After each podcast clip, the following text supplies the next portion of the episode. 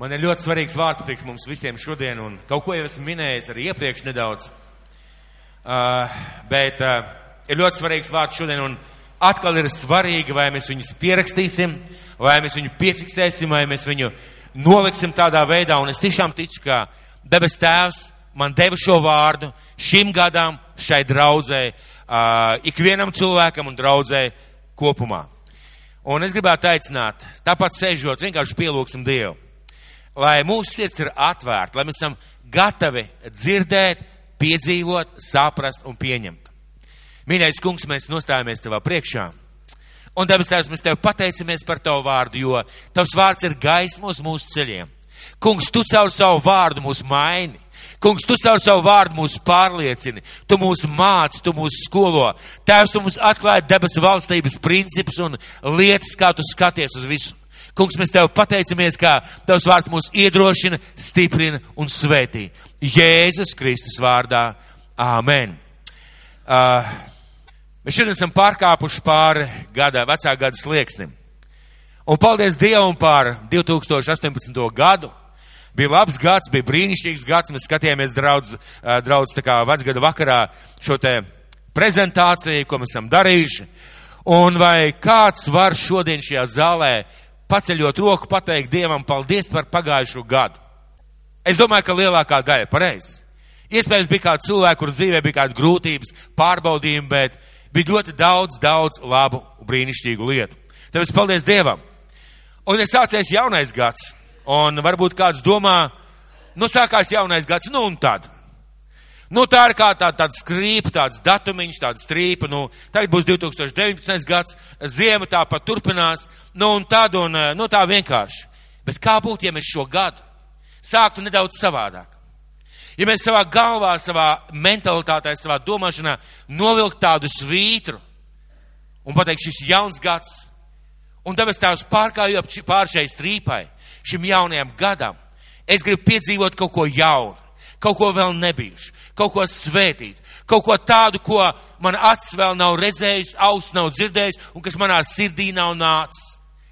Jo bieži vien mēs samierināmies, ja it kā ļaujam sev domāt, ka viss it kā turpinās un paliekam vecajā sliedās. Bet es vēlos, lai mēs domātu, kā ne tikai domātu, lai mēs tā kā būtu centrēti uz to piedzīvot šajā gadā daudz labas bijušas un spēcīgas un dziļas lietas. Un eh, šajā dievka, pirmajā dievkopājumā es jūtu svētā gara pamudinājumu runāt par pārmaiņām, ko Jēzus grib ienest mūsu dzīvē, mūsu garīgajā dzīvē un mūsu praktiskajā dzīvē, un kā šīs pārmaiņas ienāk. Un kādā veidā šīs pārmaiņas ienāk. Un svarīgi ir saprast, ka Jēzus vēlās ienest šīs pārmaiņas. Mums cilvēkiem liekas, ir kaut kāds limits, ir dzīves kaut kāds veids, dzīves standarts, man spēja griezti, robežas, vai tas, ko es varu piedzīvot, vai tas, ko es piedzīvošu. Bet iedomājieties debes tēvam, kādi viņam ir limiti, kādas viņam ir plašas iespējas, un viņš vēlās to mums saviem bērniem iedot, jo kam gan lai viņš to iedod vēl? Vai eņģeļiem? Eņģeļi tāpat viņu priekšā. Viņš to vēlās iedot mums, saviem bērniem, gan praktiskajā dzīvē, gan garīgajā. Un uh, Es zinu, ka daudziem mums ir šī nepieciešamība izmainīt savu dzīvi, izmainīt savu domāšanu, mēs ilgojamies par to, mēs ceram, ka piedzīvosim kaut ko jaunu, ka izmainīsimies, un eh, kad tas notiks vienkārši tā. Tagad rāda tādu reklāmu televīzijā, krīm kredīt. Vienkārši tā, hop, un viss izmainās mūsu dzīvē. Vai tā tas var mainīties? Jā, negatīvās lietas tā var ienākt dzīvē. Jā, Dievs var darīt brīnumu. Jā, Dievs var darīt daudz labas, vērtīgas lietas, vienkārši tāpat, un viņš patiesībā arī dara. Bet īstākās izmaiņas, īstākās lietas, kas notiek, ja piepildās mūsu dzīvē, viņas sākās mūsos. Viņas nepiedzimst no ārienes, viņas sākās kaut kur dziļi mūsos.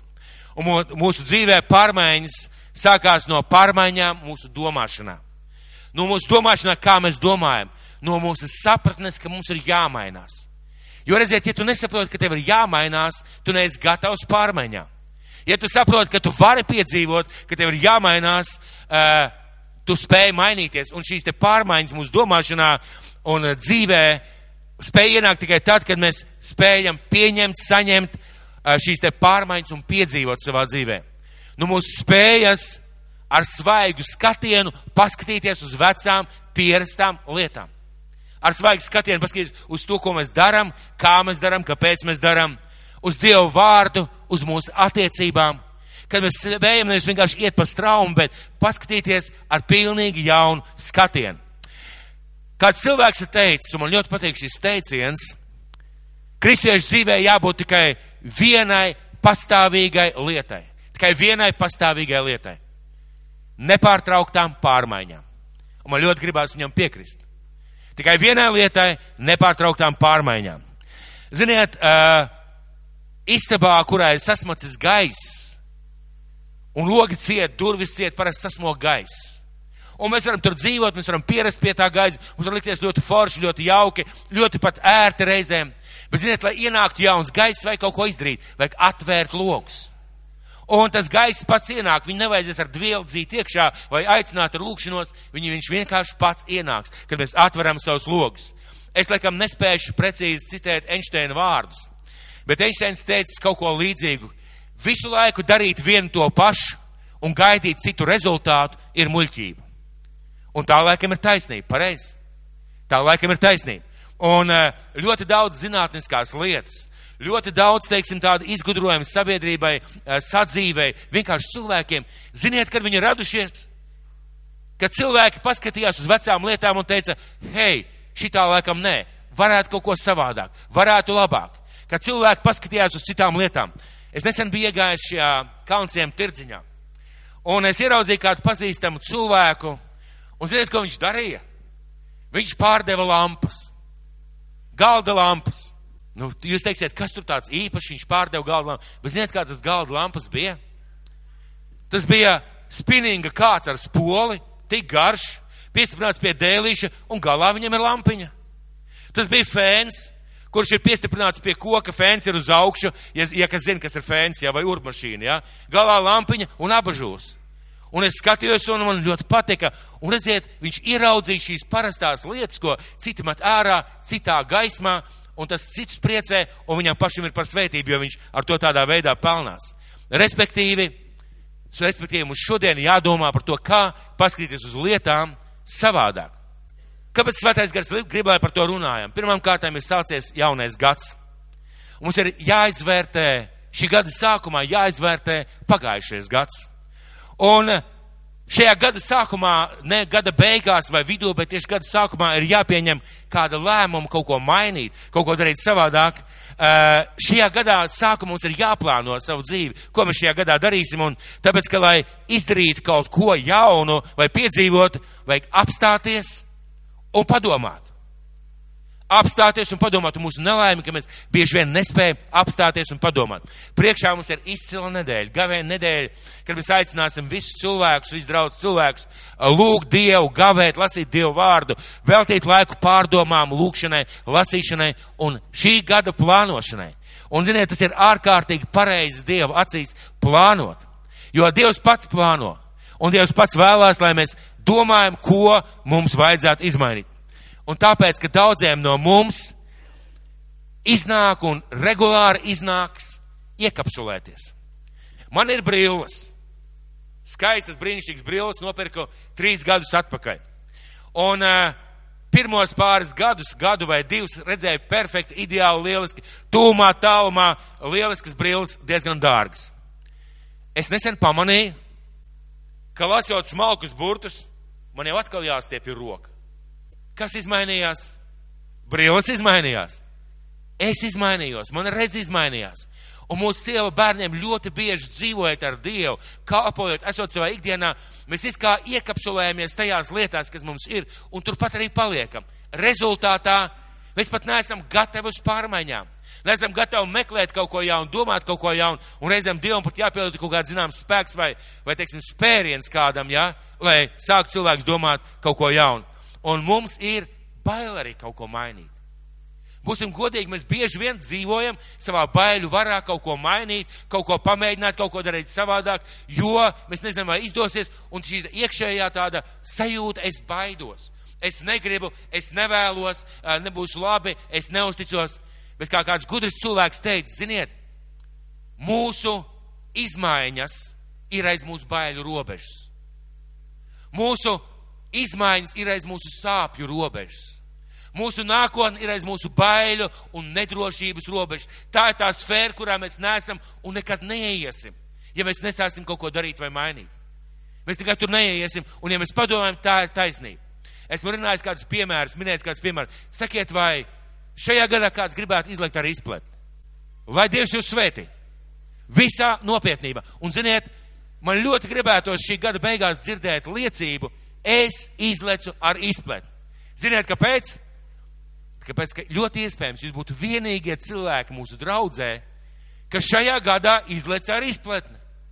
Un jūs mums varētu pastāstīt, kā tos mākoņus varēs no augšas ar karot, ja? Debesu mānu. Ir vēl noteikti kādas lietas, ko mums tā kā gribētos, bet vai mēs to darīsim, ir ļoti atkarīgs no tā, vai mēs uzdrošināsimies to darīt, vai mēs iesim šajās lietās. Un domājot par 2019. gadu, lūdzot Dievu, domājot, meklējot, ko Dievs saka, Dievs deva man vārdu. Es tiešām ticu, ka Dievs deva man pravietisku vārdu šeit draudzēji ikvienam no mums, bet jaunu vīnu lej jaunos traukos. Bet jaunu vīnu lej jaunos ādas maisos. Es paskaidrošu, kurš atšķirības starp traukiem un ādas maisiem. Jo tas patiesībā ir viens un tas pats. Bet jaunu vīnu lej jaunos maisos. Mums visiem ir sapratni par pārmaiņu gadu, un es ticu, ka šis gads tāds arī būs. Es domāju, ka uh, nāks jaunas lietas, vēl nebijušas lietas. Mēs domāsim par to, mēs domājam par to. Un es zinu, ka Jēzus šajā gadā grib mums dot jaunas atklāsmes, jaunas lietas, vēl kaut ko, ko, kas nav bijis, vest mūs uz kaut kādām pārmaiņām. Kad mēs cilvēkiem stāstam par Jēzu Kristu vai par kādu citu lietu, ko mēs zinām, lielākā problēma, kāpēc cilvēki to nesaprot, nepiedzīvo vai nepieņem, ziniet, kāpēc? Ir pāris lietas. Visbiežāk viņi negrib klausīties. Jūs viņam stāstat, viņš negrib klausīties. Jūs ar viņu runājat, viņam nav laika klausīties. Jūs ar viņam kaut ko stāstat, viņam nav vēlēšanās klausīties, nav vēlēšanās dzirdēt. Esat pamanījuši? Mēs paši uz sevi varam pamanīt, ja? Bet tajā mirklī, kad tu apstājies un ieklausies, ko cilvēks tev stāst, Ja tev ir vēlēšanās saprast, vēlēšanās dzirdēt, vēlēšanās kaut kā izprast to, ko cilvēks stāsta, rezultāts tāds, ka tu iegūsi jaunu informāciju un tu esi kaut kādā ziņāmā mērā mainījies. Mums ticīgiem, pat ja mēs sakām, ka mēs gribam pārmaiņas no Dieva, mēs bieži vien rīkojamies ļoti līdzīgi. Pirmkārt, mēs neatveram savu prātu, lai ielaistu jaunas lietas. Mēs vienmēr, es vienmēr esmu sēdējis tikai šajā krēslā un tikai šajā krēslā svētais krēsls. Es vienmēr esmu cēlies tikos un tikos, es nevaru izmainīt savu laiku. Es vienmēr daru tikai to un to, braucu tikai ar to un to transportu, vai tādā veidā mēs sakām, ka mēs gribam izmaiņas, bet bieži vien mēs neatveram savu prātu. Mēs negribam iedziļināties kādās lietās, negribam pārdomāt, un tiešām, lai māsām un brāļiem nav piedauzība, bet kādu laiku šeit un vispār pasaulē, kristīgā pasaulē, virmo jautājums par sieviešu kalpošanu. Un kāds liels draugs mācītājiem, es kādā konferencē, viņš ļāva uzdot jautājumus, un es viņam pajautāju, brāl, vai tu nevarētu atbildēt uz jautājumu par sieviešu kalpošanu? Un ziniet, ko viņš teica? Viņš teica, nu jā, tas ir visā pasaulē. Bet kā būtu, ja mēs atšķirtu bībeli, paņemtu grāmatas, palasītu, padomātu par to? Es domāju, ka mēs kaut kādas lietas ieraudzītu vai saprastu daudz savādāk. Un bieži mēs negribam pārdomāt, negribam pieņemt, un mums nav laika apstāties. Kāpēc tā? Kāpēc tā? Šodien es jūtu vēlēšanos par to runāt, kāpēc mēs neesam gatavi pieņemt jaunas lietas. Jēzus sludina evaņģēliju, un uh, patiesībā evaņģēlijs ir piepildījums tam, ko ebreja tauta ir gaidījusi gadu simts pat tūkstoši. Uh, piepildījums tam, kas ir pravietots, un Mateja evaņģēlijas 13. nodaļa Mateja evaņģēlijas 13. nodaļa, 13. līdz 16. pants. Mateja evaņģēlijas 13. nodaļa, 13. līdz 16. pants. Es viņiem runāju līdzībās tādēļ, ka tie skatīdamies neredz un klausīdamies nedzird un nesaprot. Pie viņiem piepildās iesaistas pravietojums, jūs gan klausīsieties, bet nesapratīsiet. Jūs gan skatīsieties, bet neredzēsiet, jo šīs tautas sirds ir nejūtīga, viņu ausis ir ar grūtībām sadzird, un savas acis viņi ir aizvēruši, kā tik ar acīm neredzētu, ar ausīm nedzirdētu, ar sirdi nesaprastu un neatgrieztos, lai es viņus dziedinātu. Es lasīju jauno tulkojumu. Ievērojiet šeit, Jēzus nesaka, viņi ir slikti cilvēki. Viņš nesaka, viņiem nav dots, viņš nesaka, viņiem nav tās saprašanas, viņš saka, viņiem ir šī te sapratne, jeb apņemšanās, jeb nevēlēšanās dzirdēt neko jaunu. Viņam nav šīs vēlēšanās dzirdēt, iedziļināties, saprast vai piedzīvot kaut ko jaunu. Un tā bija tajā laikā problēma. Un ziniet, kas ir interesanti? Reizēm cilvēks saka, ja mācītājs labāk sludinātu. Nu, ja tā bībele būtu labāk saprotama. Nu, ja, teiksim, uh, es vairāk lasītu vai kaut ko vairāk darītu, nu, ja citi darītu tā vai tā, es būtu labāks kristietis. Šī vieta mums perfekti parāda, ka īstenībā ļoti daudz lietas atkarīgs no viņa, jo Jēzus visaugstākā svētuma, gudrības, svaidījuma un uh, sludināšanas perfektuma līmenī sludināja viņiem. Un viņi nespēja dzirdēt, nespēja uzņemt, nespēja saprast, viņi turējās pretīm, jo viņi bija aizvēruši savu sirdi, savus acis aiztaisījuši, lai neizmainītos. Man tas pasaka, viņi negribēja mainīties.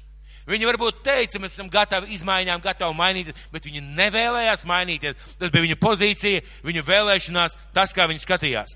Problēma bija, viņi nebija gatavi ne uz ko jaunu. Un kas ir interesanti? Mācekļi nebija piebāzti ar šo farizējisko mācību. Jā, viņi zināja, evaņ, viņi zināja veco darību, viņi zināja bauslēju, viņi zināja šos te praviešu grāmatas, es ticu, ka viņi zināja no bērnības, kā kāds jūt bērns. Bet viņi bija gatavi dzirdēt. Viņi bija gatavi mainīties, viņi bija gatavi pieņemt, viņi bija gatavi kaut kam jaunam, un kad mēs reizēm sakam, esam gatavi mainīties, bieži vien tiešām tā arī nav. Un, kad Jēzus runā viņiem šīs jaunās lietas, šie cilvēki nespēja saprast. Tad, eh, ja cilvēks ir gatavs mainīties, cilvēks gatavs pieņemt, viņš spēja uzņemt jaunas lietas. Viņš spēja ieraudzīt, ko Dievs dara jaunu, un viņš spēja piepildīt to jauno, ko Dievs vēlās dot viņa dzīvē. Un rezultātā ir pārmaiņas fiziskajā pasaulē. Vispirms nāk šīs pārmaiņas garīgajā pasaulē. Trīs lietas. Vispirms cilvēks ir gatavs pārmaiņām. Viņš ir atvērts dzirdēt, saprast, noklausīties, ieklausīties, diskutēt. Tad mainās viņa domāšana, rezultātā izmaiņas garī, fiziskajā pasaulē. Vispirms garīgajā, tad fiziskajā. Un uh, Kā piefiksēt, kādi esam mēs, kā padomāt vai saprast, vai esam šis vecais vai jaunais mais.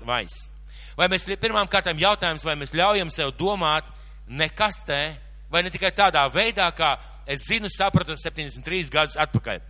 Svarīgi, ka mēs nemainām Dievu vārdu, mēs nemainām Bībeli, mēs nemainām to, ko Jēzus sludināja, bet mēs skatāmies, ko mēs varam iemācīties, saprast no jauna.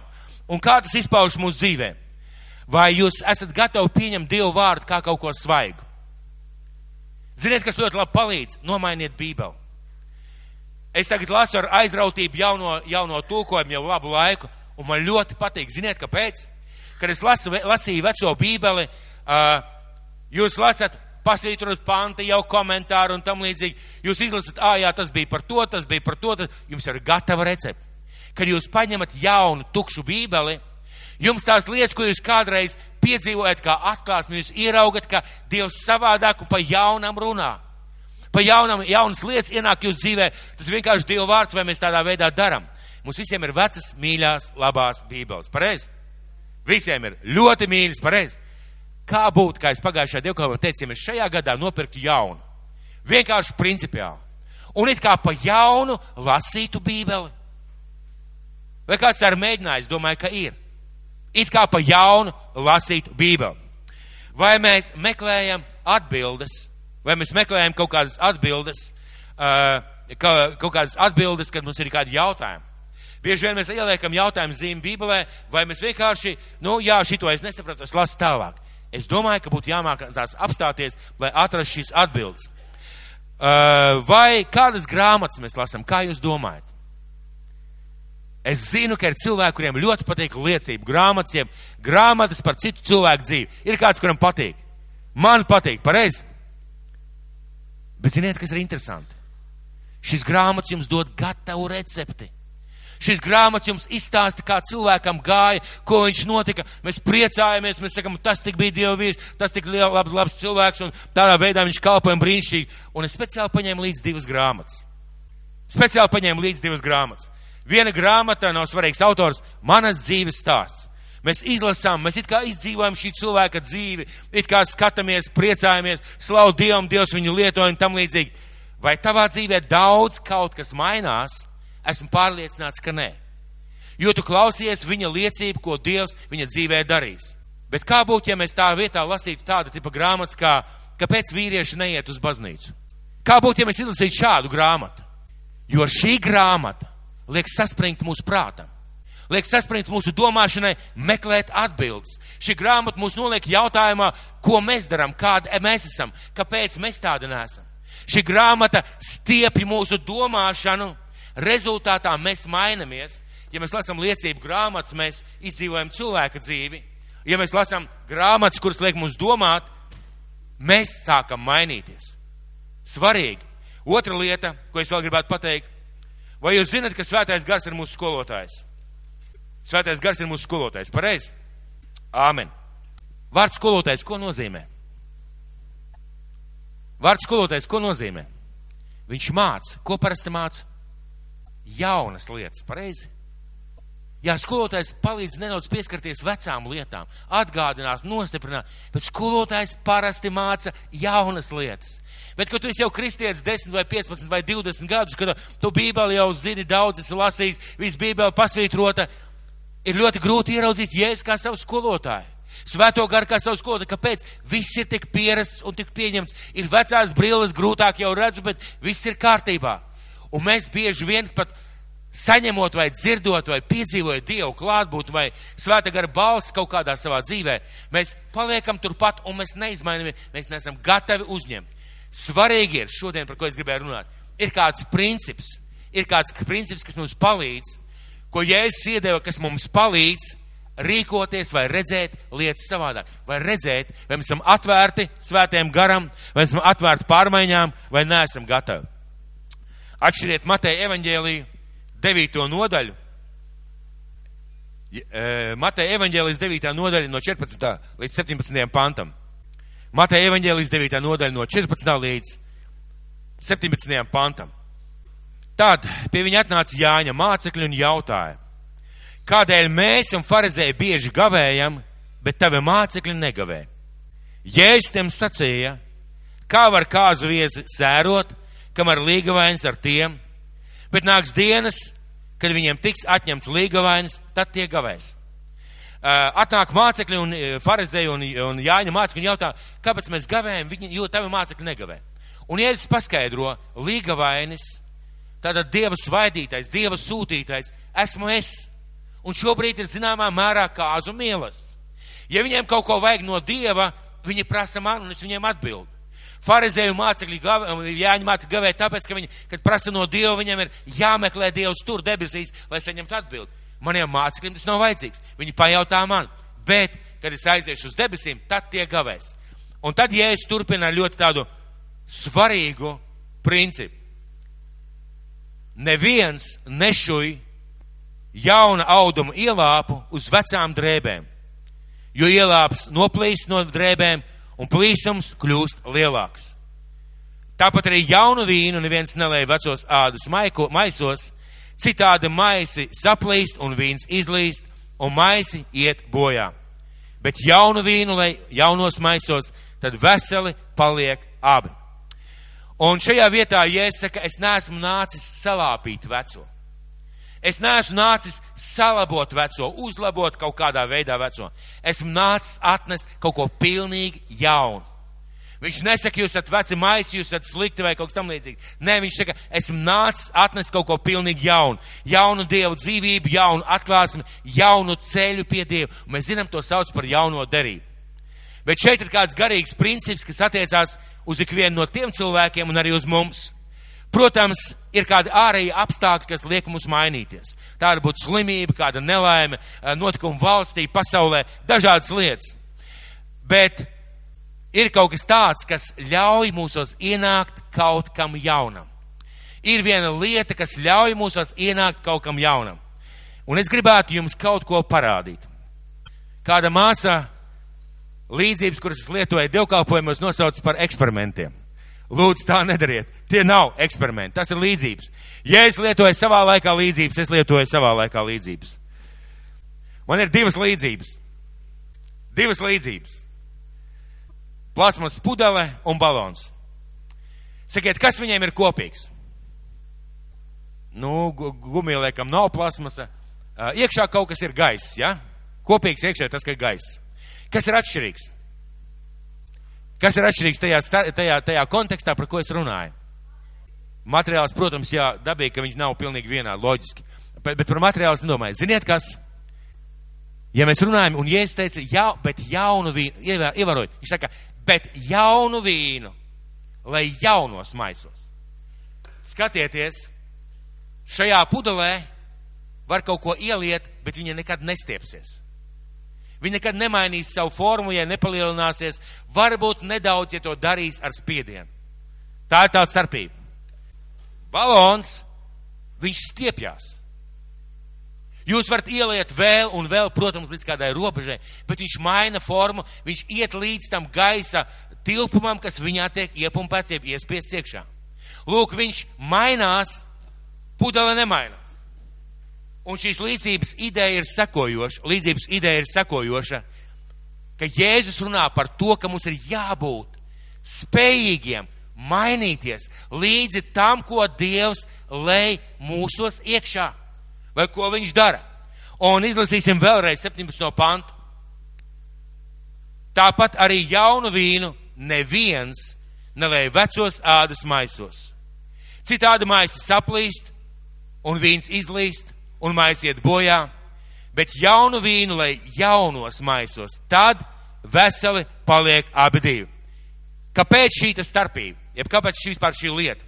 Kas ir jauns vīns? Es nerunāju par alkoholu. Mēs evaņģēliskās draudzes mācām, ka alkohols nav pareizi, ka cilvēkam nevajadzētu lietot. Bet jaunajā vīnā ir kaut kāda darbība. Jauns vīns rūkst, viņš palielina tilpumu, nu, iekšā ir kaut kāda dzīvība, un jaunais vīns maina savu daudzumu, viņš kaut kādā veidā rūkst, kaut kādā dzīvība iekšā kūsā. Vecā vīnā, ja vecā jau nostājušanā vīnā tas nenotiek. Kas ir jauns vīns, ne alkohols, kā es teicu, bet kaut kas, ko Jēzus runā. Ko Jēzus runā, un Jēzus eh, jaunas lietas stāst, Jēzus jaunas lietas atklāja, Jēzus dod jaunu domāšanu, jaunus veidus, kā kalpot Jaunais vīns ir jaunais Dieva plāns, jeb jaunais veids, kā Dievs kaut ko dara mūsu dzīvē.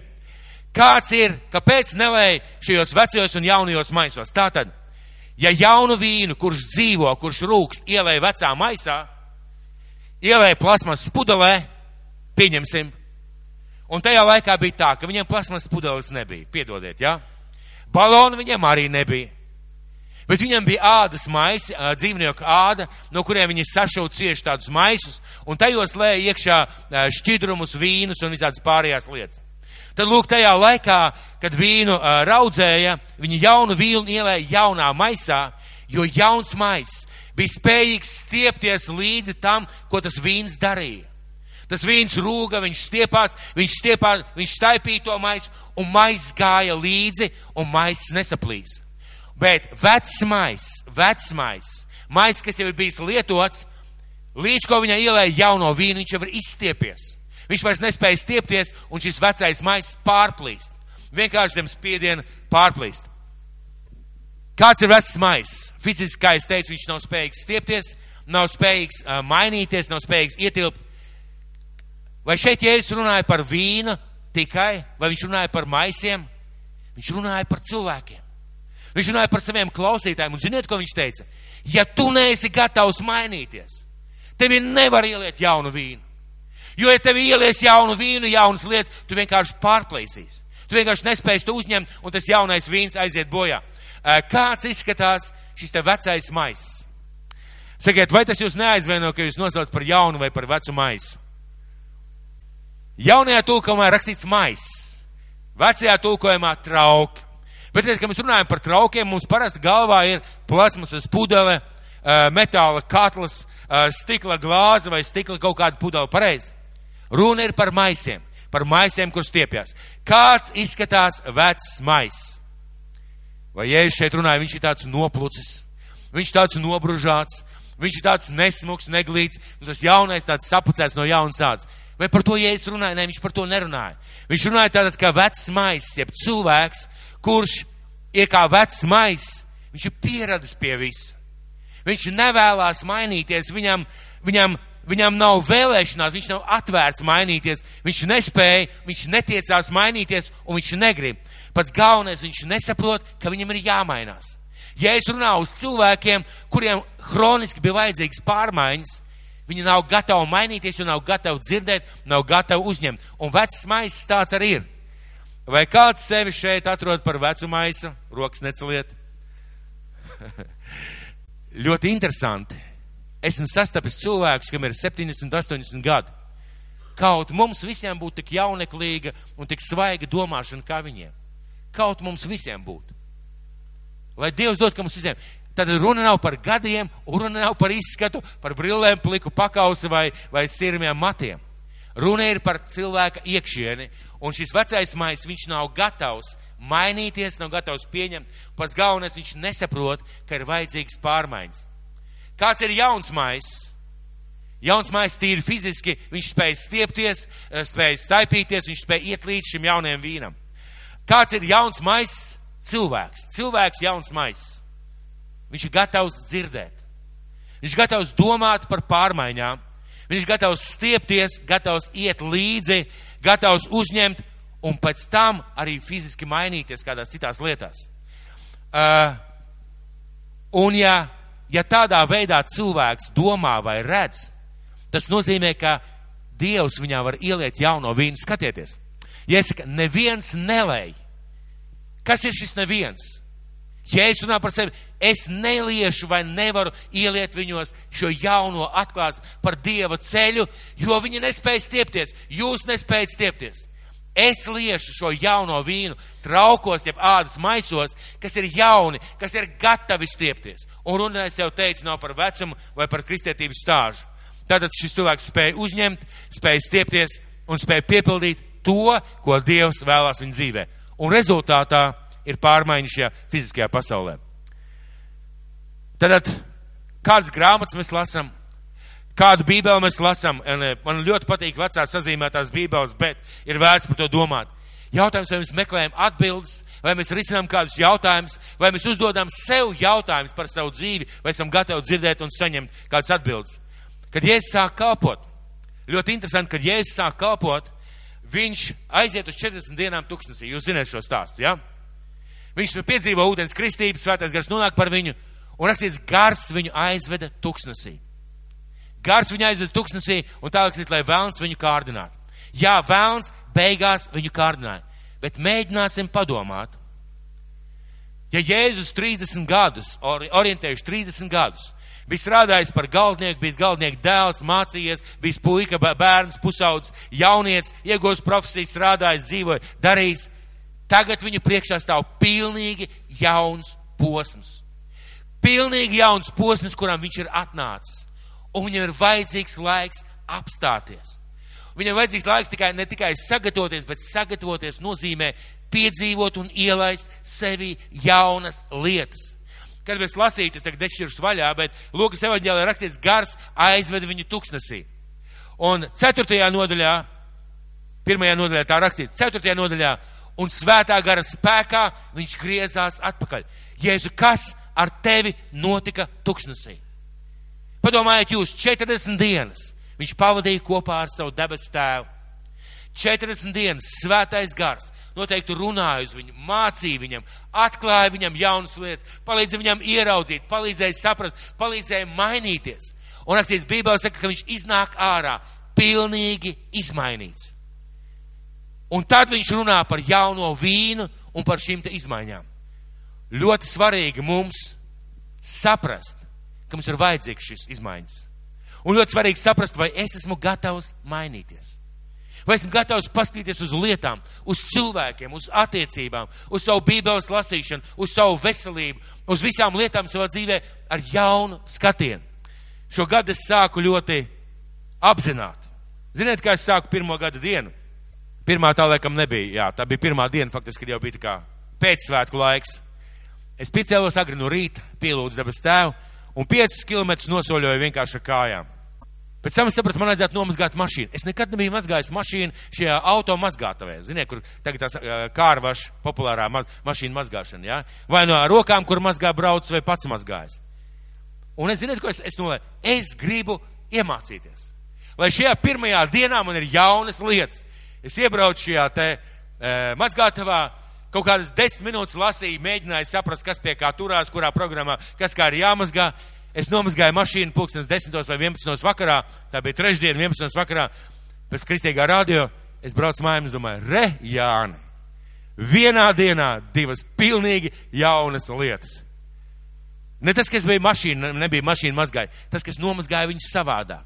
Tas, kas izgāja savādāk. Un tas ir tas, ko dabas tēvs mums vēlās arī parādīt. Tad vispirms, lai sāktu domāt, mums vajag apstāties un ļaut, lai svētais gars mūsos lej jaunas lietas. Pie kam tās, kas ir tavā dzīvē. Nemeklē kosmosā, meklē sevi, savās attiecībās ar Dievu, ar cilvēkiem, tā kā tu lasi, ko tu lasi, kādā veidā tu skaties. Ja, piemēram, tu nāc uz divkalpojumu, tu vienmēr ir bijis garlaicīgs, garlaicīgi, tu sēdējis pēdējā rindā. Man, vien man prieks par kādiem cilvēkiem, kas ir pieņēmuši lēmumu sēdēt pirmajās rindās. Es ļoti priecājos. Vietas izmaiņa nozīmē arī izmaiņu kaut kādā veidā, kā piedzīvot dievkalpojumu. Uh, ja tu esi darījis varbūt pa vienā, vienā veidā kaut ko, padomā, varbūt darīt savādāk, varbūt savādāk lūgt. Piemēram, lūkšana. Piemēram, lūkšana. Mēs visi lūdzam Dievu. Bet kā būtu, ja jūs tā lūgtu un pats klausītos? Ko jūs lūdzat? Ziniet, ko bieži vien jūs varētu, varētu padomāt? šit tik reliģiozu cilvēku vēl nebiju saticis. Katra otrā vārda galā debes tēvs, katra otrā galā piedod, ak svētais gars, ak jēzu un tam līdzīgi. Šit tik reliģisku farizēsku cilvēku es vēl neesmu saticis. Ja lūkšana ir saruna ar Dievu, pat šajā lietā mēs varam skatīties, kā mainīt šīs lietas. Varbūt kādam vajag kādas jaunas drēbes iegādāties, varbūt frizūru izmainīt, varbūt izliekt ar izpletni, varbūt vēl kaut ko izdarīt Ļaujiet, lai šajā gadā svētais gars lej jums šīs jaunās lietas, bet, kā jau es teicu, mums ir jābūt gataviem, tad viņš lies. Un šeit ir tas princips, ir jābūt gatavam pieņemt, piedzīvot jaunās lietas. Ja, piemēram, cilvēks dzīvojas kritizējot, aprunājot, nosodot, tiesājot, cilvēks taču var pieņemt lēmumu. Viss. Es teikšu tikai labas lietas. Par sliktajām lietām vienkārši klusēšu. Un, ja vajag, lūkšu Dievu. Mēs noteikti varam to darīt. Tad mums vajag ļaut, lai svētais gars mūsos lej, mums vajag pieņemt un sākt lietot šīs lietas. Tāpēc mums priekšā ir gads, nevis gads, bet jā, mums priekšā ir gads. Un es ļoti vēlētos, lai ikvienam no mums, ne tikai draudzē, un es zinu, ka Dievs mūs ved uz šo pārmaiņām, šajā domāšanā vispār par jaunām lietām. Es zinu, ka Dievs mūs ved. Es zinu, ka Dievs šajā draudzē vēlās mainīt cilvēkus darīt dziļākus, spēcīgākus, gudrākus, svaidītākus, un tas vienmēr ienāk ar jaunām lietām, kad tiek atvērti logi, lai ienāk svētais gars. Es visiem to novēlu. Mums priekšā ir vesela nedēļa, kad mums nav mājas grupu, kad mums nav lūkšana kalni, kad mums nav semināru konferenču, kad mums nekā nav. Un uh, es aicinu šajā nedēļā vienkārši veltīt visu iespējamo laiku, lai lasītu, lai lūgtu, lai domātu par savu dzīvi, lai plānot savu dzīvi. Lai plānot savu dzīvi, lai pierakstītu, ko es šajā gadā gribu izdarīt, kaut ko tādu, ko es sen esmu atlicis, nedarījis vai savādāk izdarīt. Ko es šajā gadā gribu piedzīvot, redzēt vai saprast un sākt realizēt to. Un līdzīgi kā Jēzus šiem te mācekļiem, kuriem viņš teica jaunu vīnu, lai jaunos maisos, no vienkāršiem zvejniekiem viņi kļūst par cilvēkiem, kur izmaina pasauli. Kļūst par 12 Jēzus mācekļiem, kuri sāk sludināt evaņģēliju, viņa šīs sludināšanas rezultātā mainās pasaule. Šis jaunais vīns visu izmaina. Un es jau teicu, nav runa par alkoholu, bet runa par, par svaigu Dieva klātbūtni mūsu dzīvē. Un tātad šajā nedēļā lūdziet, lasiet, domājiet, plānojiet, pieņemiet lēmumus, meklējiet resursus, kā to izdarīt un realizējiet savā dzīvē. Un šis gads būs pārmaiņu gads. Jo Dievs vienmēr grib dot kaut ko jaunu. Un lai Dievs mūs svētī. Un pabeigts gribētu vēlreiz ar šo pantu un ieklausieties, manuprāt, viņš skan kā tāda skaista dziesma. Lieliski būtu, ja mūsu slavētāji mācētu spontānu pielūgsmu un viņi paņemtu šo te, šo te pantu un dažādā variantā vadīt mūsu pielūgsmē. Bet jaunu vīnu, lai jaunos maisos. Tad, tad, tad veseli paliek abi. Bet jaunu vīnu, lai jaunos maisos. Un tas ir vārds mūsu draudzēji šogad. Uz visu gadu jaunu vīnu, lai jaunos maisus. Un es ticu, ka Dievs šajā gadā vispirms mainīs mūsu domāšanu par jaunām lietām. Un pēc tam mainīs mūsu domāšanu, kā realizēt šīs jaunās lietas. Un pēc tam mainīs mūsu dzīvi, situācijas un notikumus, kas ir mūsu dzīvē. Jautājums ir, ja es jums šodien pajautātu, vai tu esi gatavs pieņemt, ka Dievs tevi nosauc par vecu maisu? Jūs būtu gatavi pieņemt, ka Dievs jūs nosauc par vecu maisu? re, re, jau, jau sākās. Nē, es esmu jauns radījums. Āmen, māsiņ. Mēs esam jauni radījumi. Bet tajā pašā laikā mēs varam būt veci maisi. Vai jūs gribētu pieņemt, ka jūs esat jauns maisis un Dievs jūsos grib ieliet jaunas lietas? Kā jūs domājat? Vai jūs būtu gatavi pieņemt, ka jūs esat jauni maisi? un ka Dievs grib liet jūsos jaunas lietas. Daži pacēla rokas, ne visi ir pārliecināti. Lai Dievs mūs svētī uz to. Jo mūsu debestām ir tik daudz, ko mums iedot. Tik daudz, ko mums atklāt. Viņš tik ļoti vēlās mūs izmainīt, mūs svētīt, mūs piepildīt. Un svarīgi ir, tas ir zināmā mērā vienas rokas stiepiena attālumā, saprast, es šai gadā gribu būt šis jaunais maiss, kurā Dievs grib ieliet un ieliet šīs jaunās lietas. Lai Dievs jums palīdz šajā gadā izlikt par izpletni, lai Dievs palīdz nomazgāt mašīnu, mašīnu mazgāšanas stāvvietā, lai Dievs palīdz šajā gadā domāt par, par ēšanu, par vingrošanu, par veselību, par bībeles lasīšanu, par visām lietām, bet savādāk. It kā jūs to tikai tagad atklātu it kā tagad to piedzīvot. Un e, sākšu ar to, ko es jau pateicu sākumā. Mūsu nākotne ir aiz mūsu baiļu robežas. Mūsu nākotne ir aiz tās robežas, kuru mēs paši novelkam un tālāk neejam. Tur ir mūsu nākotne, tur ir izcilība, tur ir nākotne, tur ir mūsu uzvaras un bailes, sāpes, nedrošība Viņas ir šī robeža, kur ir jātiek pāri. Un es ticu, ka svētais gars mūs šajā gadā ievedīs jaunajā. Dabas tēvs, paldies tev, kungs, par šo dienu. Paldies tev, tēvs, par tavu vārdu. Un paldies tev, mīļais Dievs, ka tu vēlies mums dot jaunu. Tu vēlies mums dot jaunas, svaigas, vēl nebijušas lietas.